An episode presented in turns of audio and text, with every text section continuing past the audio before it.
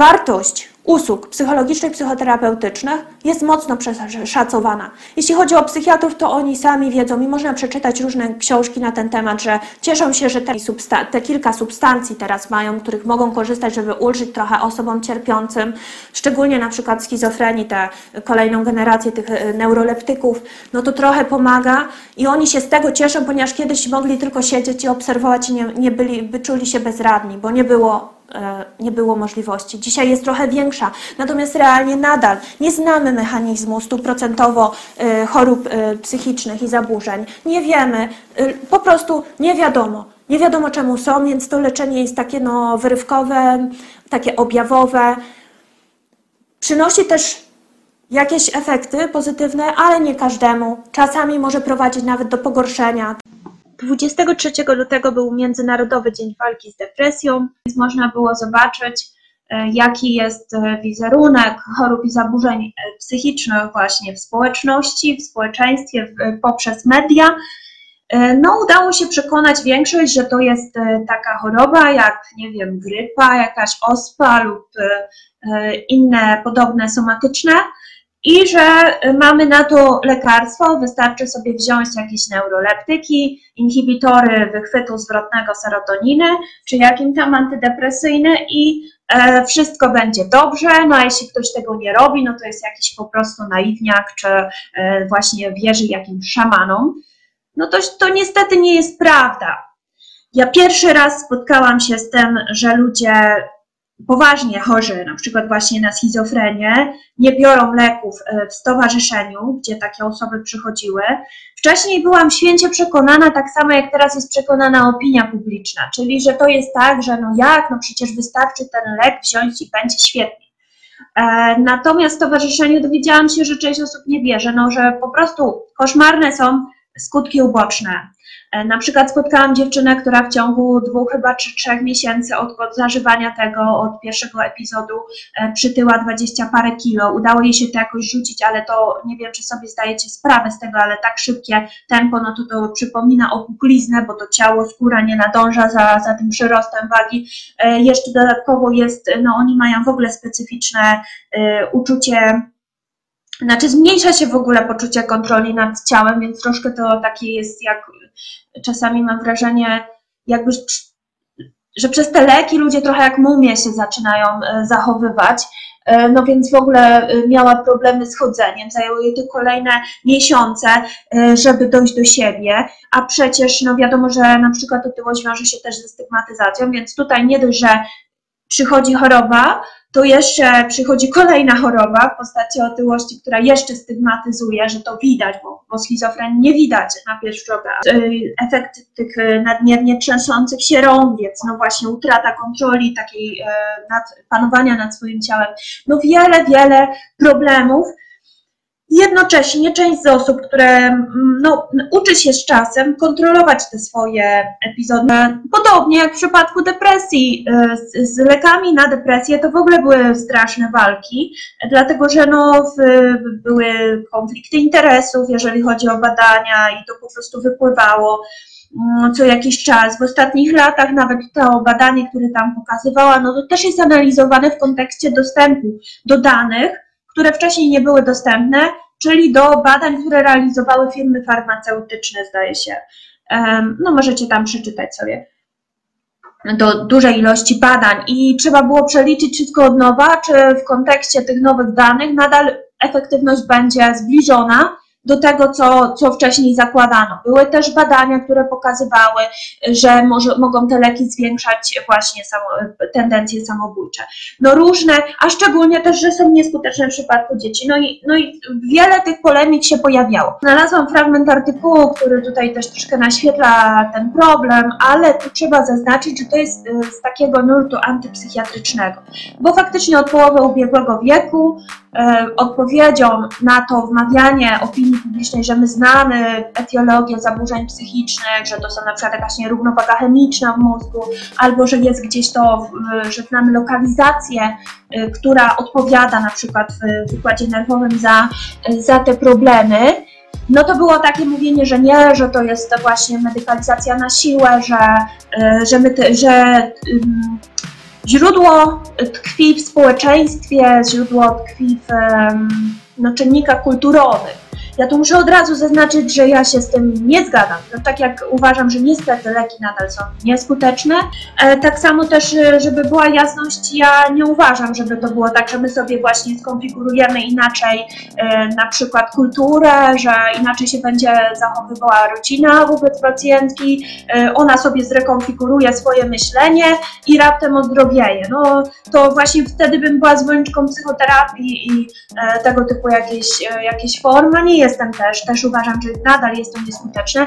Moje wrażenie jest takie z obcowania z osobami, które y, no, chorują, tak samo też zresztą z, właśnie, to jest dość podobnie. Moje jakby wrażenie, tak, żeby była jasność, jeżeli chodzi o dzieci, y, które mają autyzm zdiagnozowane, y, że po prostu to jednak jest problem, który ma takie jakieś podłoże moim zdaniem, no albo właśnie genetyczne, albo jakieś y, somatyczne, nie, fizjologiczne.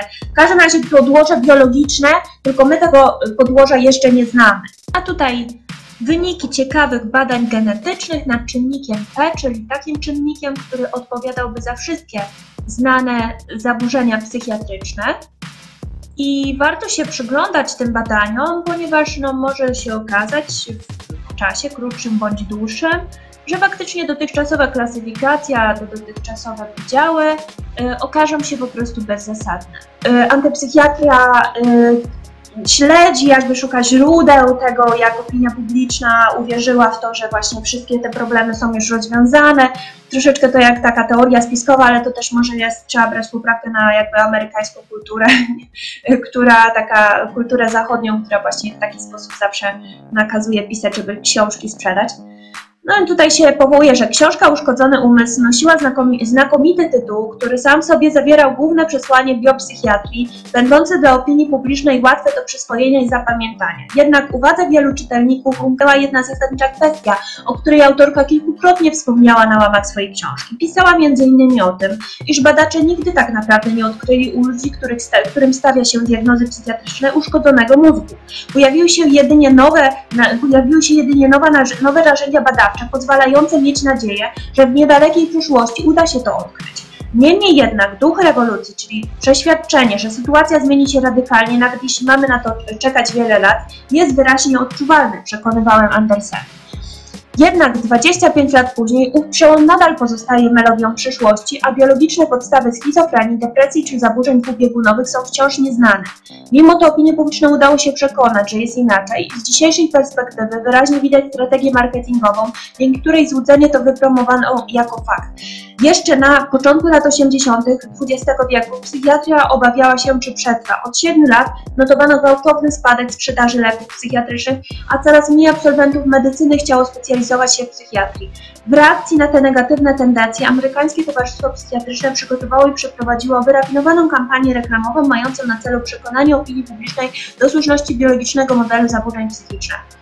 Okej, okay, no to jest tylko taki fragment, można sobie dalej e, e, poszperać. You have to have a term in the diagnostic and statistical manual in order to then call it a disease and treat it as a disease and write a prescription for it. When I went to medical school, there were only six or seven items in the manual. Now there are over 300.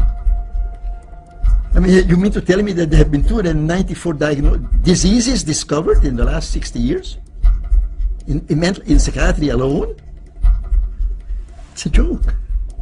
It's an epidemic of psychiatry that we, have, we are dealing with. We don't have an epidemic of mental illness, we have an epidemic of psychiatry.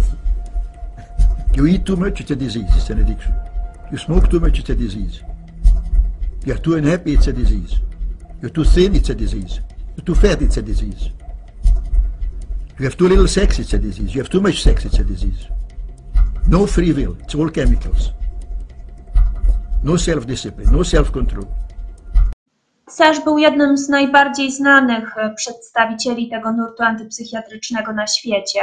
Napisał taką książkę Mit choroby psychicznej. Znalazłam jego tekst w książce poświęconej bioetyce ochrony zdrowia psychicznego która wyszła w zeszłym roku w Polsce w ramach e, finansowania przez Narodowe Centrum Nauki, usiłowałem pokazać, że pojęcie choroby psychicznej przeżyło wszelką użyteczność, jaką mogło dotąd posiadać i że funkcjonuje już dzisiaj wyłącznie jako rodzaj wygodnego mitu. Jako taki okazuje się godnym następcą mitów religijnych w ogóle, a wiary w czarownicę w szczególności. Rolą wszelkich takich światopoglądów było uspokojenie nastrojów społecznych i zachęcenie do ufności, że pewnym konkretnym problemom można skutecznie zaradzić środkami zastępczymi, symboliczno-magicznymi. Pojęcie choroby psychicznej służy zatem przede wszystkim odwróceniu uwagi od widocznego na co dzień faktu, że dla większości ludzi życie jest nieustanną walką nie tyle o biologiczne przetrwanie, ile o swoje miejsce pod słońcem, spokój umysłu lub inną ważną dla człowieka wartość. Jednostka świadoma samej siebie i otaczającego ją świata po zaspokojeniu potrzeb dotyczących fizycznego przetrwania i być może przedłużenia gatunku staje przed pytaniem o to, co powinna zrobić ze swoim życiem. Propagowanie mitu choroby psychicznej pozwala ludziom uciec przed tym pytaniem, dając poczucie, że zdrowie psychiczne, rozumiane jako brak choroby psychicznej, jest automatycznym gwarantem podejmowania właściwych i bezpiecznych wyborów w toku całego życia. Fakty jednak świadczą o czymś zgoła przeciwnym. To właśnie dokonywanie dobrych wyborów życiowych jest uznawane z perspektywy czasu za świadectwo dobrej kondycji psychicznej. Mit choroby psychicznej umacnia nas ponadto w innym wynikającym z niego logicznie przekonaniu. Mianowicie, że stosunki międzyludzkie były harmo byłyby harmonijne, satysfakcjonujące i dawałyby solidną podstawę do dobrego życia, gdyby nie zgubny wpływ chorób psychicznych i psychopatologii. Przeświadczenie o prawdopodobieństwie ziszczenia się podobnego ideału powszechnego szczęścia ludzkości jest według mnie przynajmniej w takiej formie zaledwie jednym więcej przykładem myślenia życzeniowego. Osobiście jestem przekonany, że powszechne szczęście czy też dobrostan na skalę dotychczas niewyobrażalną, a nie tylko dla wybranych jednostek są w istocie osiągalne. Cel ten można jednak zrealizować wyłącznie pod warunkiem, że bardzo wielu ludzi, a nie zaledwie pojedyncze jednostki, wykażą, wykaże wolę i zdolność zmierzenia się z osobistymi, społecznymi i etycznymi konfliktami, jakie przynosi ich życie. Wymaga to odwagi i uczciwości w rezygnacji z walk toczonych na niewłaściwych frontach i zaprzestania wynajdywania rozwiązań dla problemów zastępczych, np. opatrywania się winnego w kwasie żołądkowym czy ciągłym przemęczeniu, zamiast stawienia czoła kryzysowi w małżeństwie. Naszym przeciwnikiem nie są demony, wiedźmy, fatum czy choroba psychiczna. Nie mamy wroga, którego możemy zwalczyć, poddać egzorcyzmowi czy wypędzić cudownym lekiem. Mamy natomiast życiowe problemy, czy w w wymiarze biologicznym, ekonomicznym, politycznym czy psychospołecznym. W niniejszym artykule zajmowałem się wyłącznie problemami z tej ostatniej kategorii, a spośród nich głównie tymi dotyczącymi wartości moralnych.